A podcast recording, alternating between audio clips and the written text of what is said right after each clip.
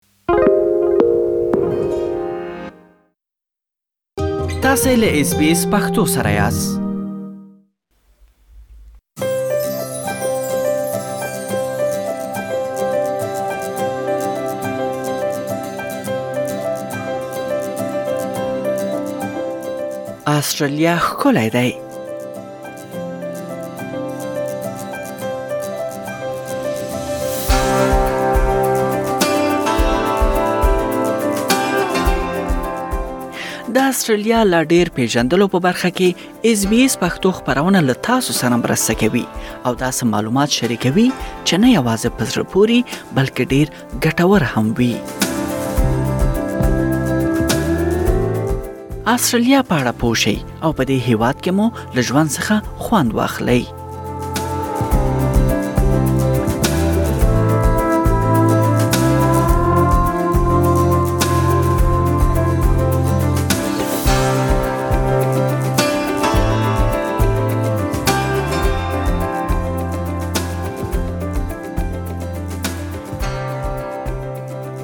آیا تاسو نوی استرالیا ته راغلی یاست یا هم غواړئ ترڅو د دغه هیواد په اړه مهم معلومات ترلاسه کړئ د استرالیا پیژندنې لړۍ معلوماتي راپورونه ل تاسو سره مرسته کوي ترڅو د دغه هیواد په اړه لا ډیر معلومات ترلاسه کړئ د نن ورځې په دغه معلوماتي ریپورت کې مو د استرالیا د اوپرا هاوس ودانۍ او هاربر برج په اړه معلومات راغونډ کړي دي په دې هیله چې تاسو د پام وړ وګرځي استرالیا یو ښکلی هیواد دی دغه هیواد د سایل په زرهاو ښکلي ځایونه لري چې هر کال په میلیونهاو کسان له دغو ښکلو ځایونو څخه لیدنه ترسره کوي د سیدنی اوپرا هاوس او هاربر بریج د استرالیا د نورو سیمو په پرتله زیات مینوال لري او په نړیواله کچه خلک د استرالیا د سمبول په توګه پیژني د دغو دواړو سیمو د ګډ انزور په لیدلو سره د نړۍ په زیات شمیر سیمو کې خلک په دې پوهیږي چې دغه ښکلې سیمه چیرته موقعیت لري د سیدني اوپرا هاوس او هاربر پول په سیدني ښار کې له یو بل سره نږدې موقعیت لري، خو د هاربر پول تر اوپرا هاوس ودانۍ اوږد تاریخ لري.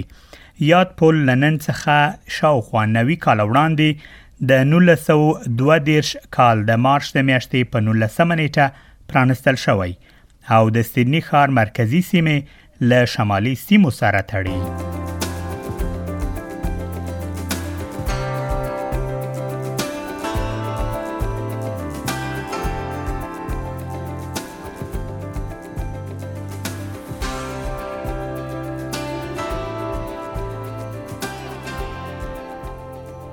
لومړی ځل په 1815 میلادي کال کې یوه معمار وړاندیز کړی و ترڅو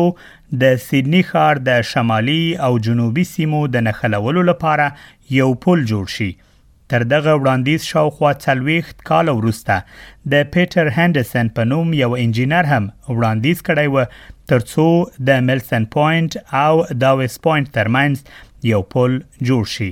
خو تر وړاندیز وروسته عملی ګام پورته نشو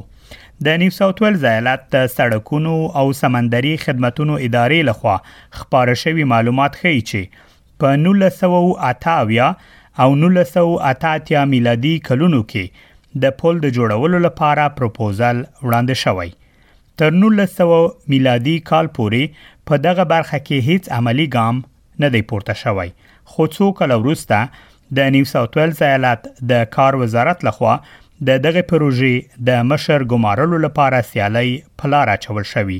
او ډاکټر براټفیل د هاربر برج د مشر انجنیر په توګه ټاکل شوی په 1923 میلادي کال کې د پل د جوړولو عملی کارونه پیل شوي او په نولس سوه او دوه دېرش میلادي کال کې د کارونو له بشپړېدو وروسته د سیدني هاربر برج پرانستل شوی، تر هغې وروسته په دوامداره توګه له یاد پل څخه کار اخیستل کیږي.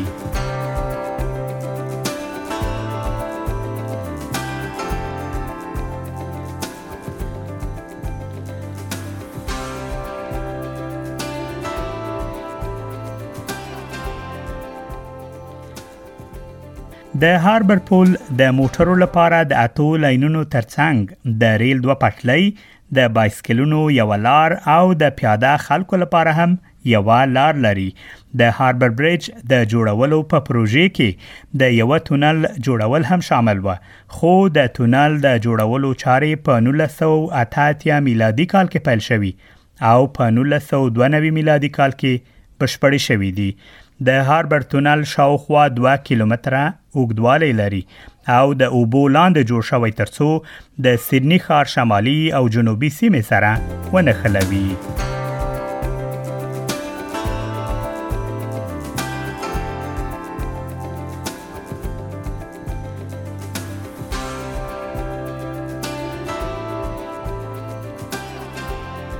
له هاربر برج سره نږدې د شلمې پیړۍ یو ښکلی ودانۍ هم پراته ده چې د سیدنی اوپرا هاوس په نوم یادېږي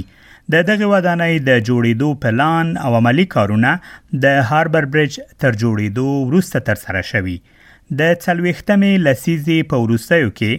د نیو ساوت ویلز ایالت د موسیقۍ د هنرونو د مرکز مشر یوجین ګووس وړاندیز کړی و ترڅو د تیاتر نمایشونو لپاره یوه ودانۍ جوړه شي په 1954 میلادي کال کې نوموړی توانېدلی ترڅو د نیو ساوت ویلز ایالت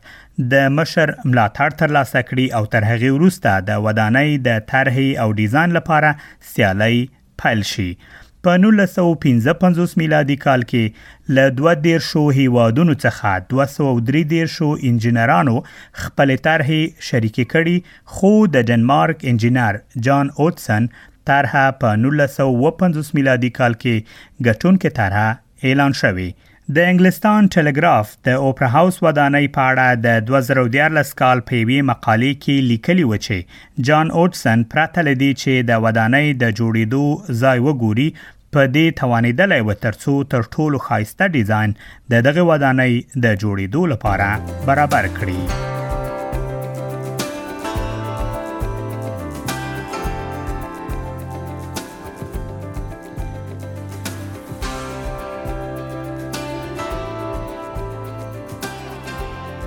د اوپرا هاوس ودانۍ عملی کار د 1959 کال په مارچ میاشت کې پیل شوی او په دریو پړاوونو کې عملی شوی لومړی پړاو په 1959 میلادي کال کې پیل شوی او په 1933 میلادي کال کې پای ته رسیدلی په دغه پړاو کې د ودانۍ پودیم جوړ شوی دی. د نولس سوه او درې شپېته او نولس سوه او شپېته میلادي کلونو ترمنځ په دویم پړاو کې د ودانۍ چت جوړ شوی او د نولس سوه او شپېته او نولس سوه او درې اویا میلادي کلونو ترمنځ په دریم پړاو کې د ودانۍ داخلي کارونه بشپړ شوي دي. د اوپرا هاوس ودانۍ په نولس سوه او درې اویا میلادي کال کې د انګلستان د ملکې دویم الیزابت لخوا پرانستل شوې ده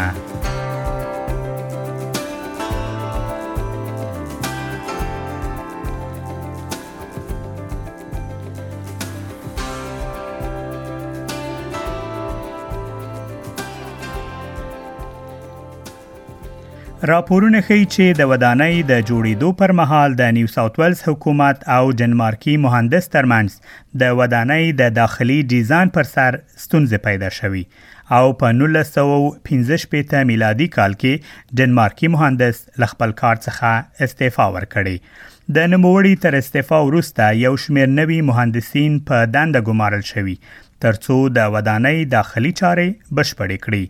د جان اولسن تر استعفا وروسته د ودانۍ داخلي نقشه په هغه بڼه عملی نشوه چې په کار وه او بدلون پکې راغی نو له دې کار سره د ودانۍ لګښت له 18 میلیونو څخه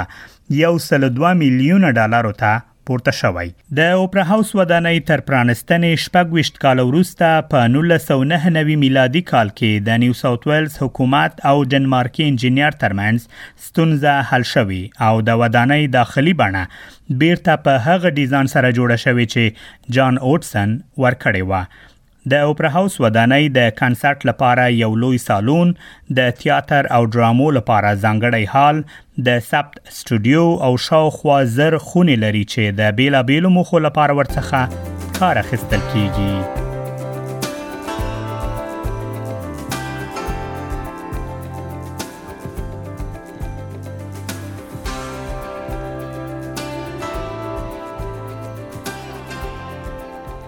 په سیدنی ښار کې د اوپرا هاوس او هاربر برج شتون نه یوازې دا چې سیدنی ته ځانګړې ښکلا ور په برخه کړي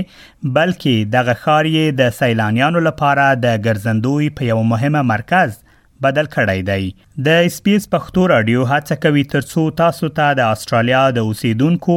مهمو ځایونو لرغونو آثارو او ځانګړتیاو په اړه په زړه پوري معلومات وړاندې کړي د اس پی اس پښتو رادیو ویب پاڼې څخه لیدنه وکړئ ترڅو تاسو هغه معلوماتي راپورونه واورئ چې موږ په تیرو خبرونو کې تاسو ته خبره کړې دي